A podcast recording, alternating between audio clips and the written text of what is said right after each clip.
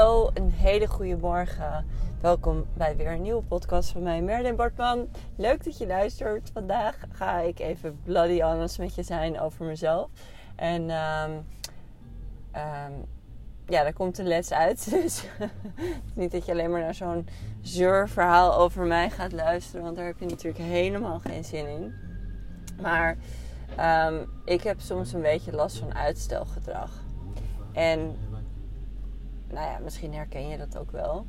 Um, ik heb dus uh, vandaag ben ik onderweg naar het event van Simone Levy, Cash. En daarvoor moest je in Gala. En nou ja, misschien als je me kent, ik hou er wel van om me uit te dossen. Ik hou er wel van om dan lekker al in te gaan en daar echt te verschijnen in de mooiste jurk. Ik vind dat echt super leuk. Echter, de organisatie daarvan laat dat soms een beetje hangen. En dan denk ik eraan, oh ja, dan moet ik even wat voor regelen. En van de week dacht ik eraan en toen had ik dus twee mooie jurken gevonden. Waarvan ik eentje dacht, oh ja, die kan ik misschien wel gaan kopen. Dat was een uh, jurk van 450 euro of zo. Die was nog in de uitverkoop voor 70% korting. Maar goed, echt een jurk waarvan ik dacht, ja, dit vind ik al heel mooi. En dit, dit is wel echt iets wat, ja, wat, wat ik bijzonder vind en wat bij mij past. Die andere jurk vond ik ook heel mooi, gewoon voor een event eventjes een keer. Um, en die kon ik huren. Maar um, nou, kwam ik er natuurlijk achter dat één, die andere jurk al verhuurd was. Die rode jurk.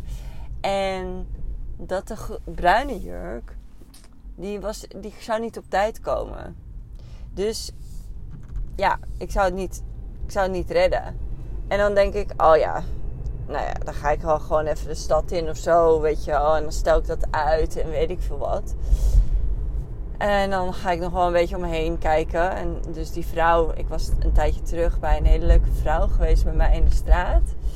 En um, als je wil, stuur me een DM, dan kan ik je haar nummer geven. Want zij heeft echt vet leuke merken. Hele mooie, uh, mooie dingen, designer dingen ook. Dus uh, Chanel staat ertussen. Allemaal tweedehands, daar hou ik ook heel erg van.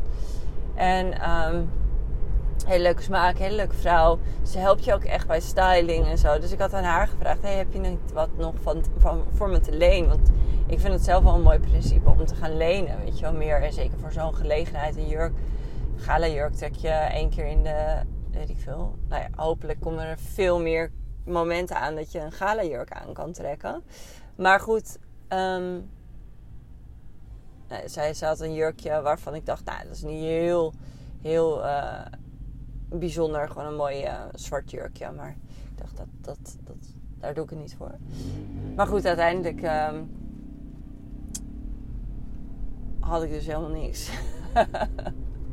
oh, wat erg. Ken je dat? Dat je dan echt denkt, oh ja, ik ga het even regelen. En dat je dan uiteindelijk niet echt doorpakt of zo. En te lang nadenkt ook over dingen. Uiteindelijk heb ik dus, dacht ik opeens, hé, hey, ik heb nog die witte jurk. Ik had zeg maar een witte jurk, gewoon echt een mooie, ja, gala jurk. Wat is het? Ja, het was wel een gala jurk. Had ik um, gekocht ooit eens een keer in Amerika. Patrick en ik gingen reizen in Amerika. Zijn broer ging trouwen in Canada. En uh, wij dachten, nou, we maken daar een mooie trip aan vast. En drie maanden later gingen we dan reizen in Zuidoost-Azië. Vet cool.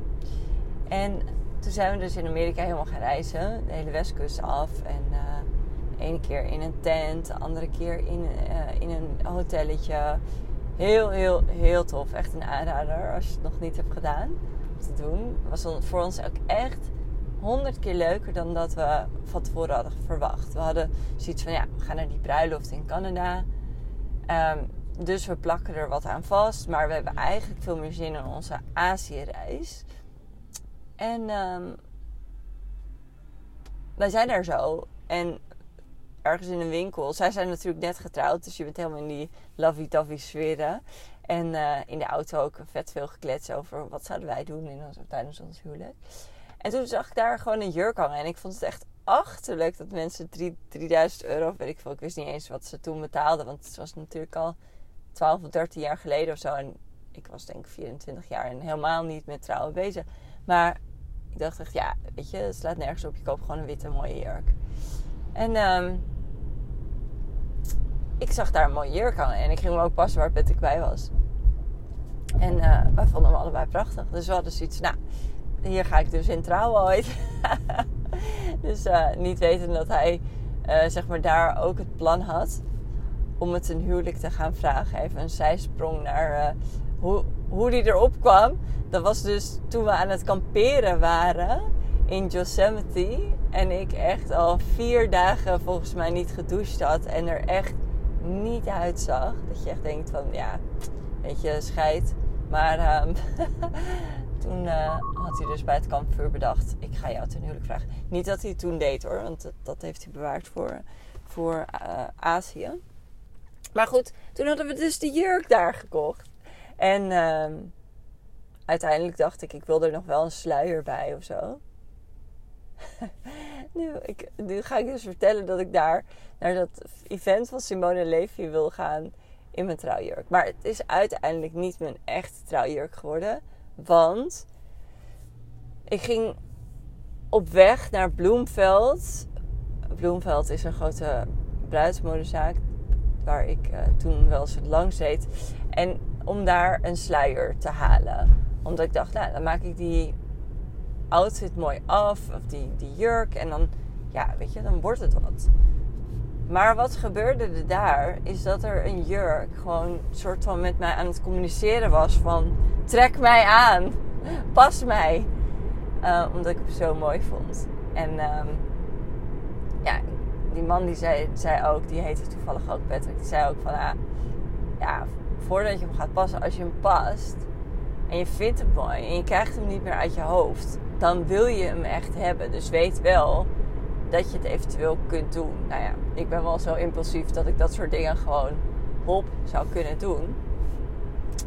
Dus uh, uiteindelijk heb ik gewoon een uh, heel impulsief met mijn vriendinnetje daar een jurk gekocht die totaal niet op de planning stond. Ik stapte namelijk dat pashoekje uit en het was echt alsof ik in de film, weet je wel, dat je echt denkt van, ah, ik kreeg het helemaal warm. Ik dacht echt, ja, dit is het. Ik kon ook even niet meer praten. Dus, uh, nou ja, goed. Het, het werd een andere jurk dan deze jurk. Maar goed, ik dus eergisteren, ik dacht opeens, ik ga gewoon deze jurk aantrekken. Ik ga gewoon die witte, simpele jurk aantrekken. Super mooi, heb ik hem weer eens een keer aan. Dus nou ja, ik trok hem aan. Nou, mijn man vond hem ook weer helemaal mooi. Hij was ietsjes krap, maar dat mag de pret niet drukken. Dus ik dacht, ik doe die jurk gewoon aan. En um, ja, toen had ik vannacht dus allemaal dromen. Je kent het wel, ik sta niet meer zo heel vroeg op en moet niet meer zo heel veel, veel regelen. Dus vanochtend ging de wekker voor het eerst weer sinds lange tijd. En uh, dan slaap je altijd een beetje onrustig. Dus ik had gedroomd van het event en van alles ging door mijn hoofd heen. En toen dacht ik opeens, ja, ik vind het ook echt oncomfortabel als hel om in zo'n jurk te gaan zitten. En het koud te hebben. Dus ik trek gewoon een rood mooi pak aan. Met hakjes eronder en alles. En dan ben ik ook gewoon gala. Dus dat heb ik nu aan. En ik heb mijn jurk mee voor het geval dat ik nog ga beslissen zo wat ik moet doen. Dus als je het over besluiteloosheid wilt hebben, dan kan ik best besluiteloos zijn. En ontzettend last minute. En uh, ja, dat is ook echt iets wat uh, in mijn hele leven wel een rode draad is. Dat, uh, ja, weet je, vroeger altijd met tentamens of dingen, dat je altijd last minute pas gaat leren. En dan ook een beetje op je best bent. Alleen met sommige dingen, zoals dus een outfit kiezen en daarvoor gaan, dan is het wel echt slim om dat niet op het laatste moment te doen. Hè? Want ja, weet je, ik denk ook, het is gewoon zo vet om daar ook echt eventjes zo'n impression te maken, weet je wel. En, en echt je knetter goed te voelen over je outfit. En ja, ik denk altijd, wanneer is de kans dat je echt all the way kan gaan? Ik ben super makkelijk hè, met um, overdressed aankomen. Ik heb echt jurken aan. Ik draag zelfs jurken op de camping. Dat je denkt, dit zouden normale mensen niet eens naar een bruiloft dragen, weet je wel. Maar ik vind het gewoon leuk. En ik denk gewoon, ik, ik hou er gewoon van om al in te gaan met kleding, weet je wel. En ook met die shoot die ik dus nu weer aan het delen ben. Dus zo'n shoot van een tijdje terug. Ze shoot in een prachtige gele jurk van Edwin Oudhoorn. Ja, dan denk ik echt, fuck it. Fuck it, ik ga gewoon zo'n jurk aantrekken. En ik ga gewoon daar op, de dam staan, weet je wel. Vind ik gewoon leuk om al, in te gaan daarin. Maar goed, dan moet je het wel even vaker doortrekken. Een vriendin van mij, Annika, die is daar ook echt... Nou ja, die is daar koningin in. Die verschijnt echt al jaar en dag altijd voor 100% van de mensen, voor 99,99999% van de mensen, die zouden überhaupt nooit zo overdressed, dus twee aanhalingstekens, de deur uitgaan. Maar zij doet het. Zij gaat gewoon altijd mooi, tip-top verzorgd een outfit die compleet is, weet je wel. Waar, waar alles bij alles klopt. De tasje, de schoentjes, de nagellakje, weet je, gewoon alles. I love it. I love it. Ik wou dat ik meer zo was. Dus, nou goed. Ik heb dus um, binnenkort ook een branding shoot staan. Ik ga namelijk naar Portugal. En naar mijn lieve vriendinnetje Annika dus. En Jeroen, fotograaf nu. Superleuk. En hij is echt tering goed. Sorry, ik moet het gewoon uitspreken, want dat, zei ik, dat wilde ik zeggen. En hij gaat mij daar fotograferen. En ik heb gevraagd of zij mij wil helpen met kleding. Want dat doet zij. Ze is creative uh, director ook voor veel shoots. En zij is daar echt knettergoed in. Ze heeft dus allemaal kleding voor mij uh, uitgezocht. Ik heb het geshopt, dus ik neem het allemaal mee. Echt super toffe dingen. Wel eerst dat ik dacht, ik kan het nog niet zien, weet je wel. Dat je denkt, geen idee hoe dit eruit komt te zien. En of ik het echt mooi vind. En weet je wel, of, of het echt Merlin is. Maar blind vertrouwen in die vrouw. Dus ik ben heel benieuwd hoe dit allemaal tot zijn recht gaat komen. Um, maar goed, we dwalen even af. Want waar ik eigenlijk naartoe wilde, is dat um, ja, in je business heb je natuurlijk ook wat te maken met het feit dat je soms um, ja, keuzes moet maken in stappen die je wil zetten. En uh, ik had een, nou, tijd terug met klanten van mij er, erover. En ik merk echt dat er overdacht wordt, weet je wel. En dat er vaak dan wordt gezegd, ik ga even invoelen. Ik weet misschien dat je dat ook wel eens zegt, weet je wel. Dat je gaat, even gaat voelen van, is dit de juiste keuze? En ik heb dat natuurlijk aan de lopende band, dat er mensen in mijn DM zitten van, ik wil met jou werken. En dan gaan ze voelen. En er is niks mis met voelen hoor. Uh, want ik vind het echt super goed om naar je, uh, naar je sacral te luisteren, zeg maar in het leven ook. En dat, dat is super sterk en dat, dat moet je ook doen. Alleen wanneer wordt voelen overdenken? Want wat ik weet is dat je als je gaat invoelen en dat heb ik wel eens vaker in deze podcast waarschijnlijk ook gezegd. Dus als je vaker luistert, dan heb je hem al eens voorbij zien komen. Maar het voelen is eigenlijk heel simpel en gaat heel snel. Dus het enige wat ik daarvoor in ieder geval hoef te doen, is een hand op mijn onderbuik te leggen. één keer diep in en uit te ademen. Een duidelijke ja of nee vraag aan mezelf te stellen. En dan voelt, voel ik in mijn lijf wel, dan gaat er keihard iets schreeuwen van ja, of nee. En daar heb ik gewoon naar te luisteren. En that's it. Niet luisteren naar die harde stem, die twijfelstem, die stem die alles gaat overdenken. En nou is het natuurlijk ook zo in business, hè. Wat ik veel zie gebeuren is dat mensen die heel erg goed kunnen voelen eigenlijk, dat ze nou ja, nog niet gewend zijn om bijvoorbeeld stappen te zetten in hun business. Of dat ze niet gewend zijn om de next level stappen te zetten. En dat ze ontzettend bang zijn om de verkeerde stap te zetten. Dus dat ze daarom maar ontzettend bezig gaan met het plan van de stappen. In plaats van met de stappen. En met het vertrouwen blijven houden. Want het vertrouwen, denk je, dat komt van echt weten wat ik moet doen. Dus als ik A doe, dan krijg ik B. En dat is natuurlijk hè, een stukje van de angst om te falen. Als ik maar exact weet wat ik moet doen, dan doe ik het goed en dan gaat het lukken. Maar dan moet ik wel echt exact weten wat ik moet doen. Dan moet ik wel echt exact elke stap van tevoren hebben uitgedacht. Me daar confident over de stappen dus voelen.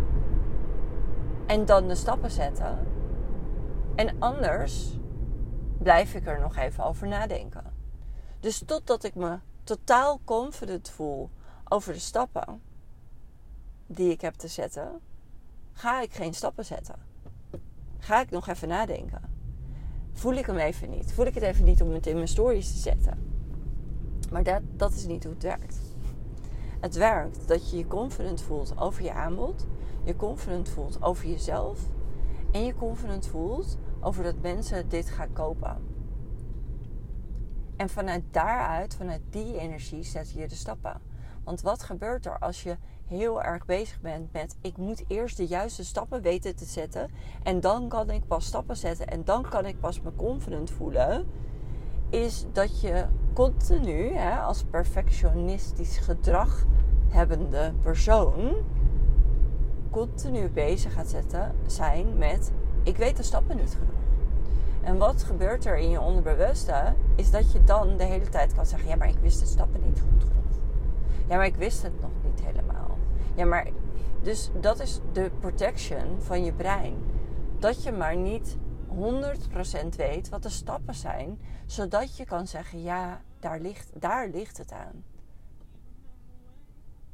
Maar eigenlijk ligt het aan het feit dat je gewoon hebt te vertrouwen. Dik hebt te vertrouwen in jezelf, in je offer, in dat het gaat verkocht worden. Dus als je dit luistert en dit je voelt een beetje van oeh, betrapt. Laat het dat voor je doen. Er gaat geen punt komen dat je 100% weet van tevoren dat het gaat lukken. Elke keer weer, elke lancering weer, is het spannend. Is het, ga ik dit nelen of niet? Elke keer weer. Elke keer weer. Dus er gaat geen punt komen dat je dat gevoel hebt van yes, het gaat 100% lukken. Ja, natuurlijk, als je inderdaad met het manifestatieproces bezig gaat zijn en er zo instapt, dan wordt het makkelijker. Dan wordt het makkelijker. Zeker. Dan kan je in vertrouwen stappen. Als je ook leert hoe je blokkades aan de kant, wordt het ook makkelijker. Maar het gaat nooit een 100% worden. En totdat jij wil wachten, totdat het 100% zekerheid is voordat je die acties gaat ondernemen, ja, zal het nooit een groot succes worden. I'm sorry to say. Dus, waarin ga jij meer tijd stoppen en meer energie in? Ik ga gewoon blind vertrouwen zonder dat ik het 100% weet. En ik ga gewoon stappen zetten die 80% mogen zijn. Die 80% ook qua gevoel af en toe even mogen zijn. Want niemand gaat in vertrouwen, volledig in vertrouwen stappen. Dat is oké. Waarin ga jij dat doen? Alright, ik ben bijna bij Loes. Die ga ik ophalen. Die gaat ook mee naar het event. Dus is ook business coach en mijn klant. En we gaan er gezellig samen heen. En ik wens je een onwijs fijne dag. En ik wens dat je elke dag bold moves gaat maken, lieve schat. Gaat en heerlijk gaat genieten van de journey. Oké? Okay? bij fijne dag!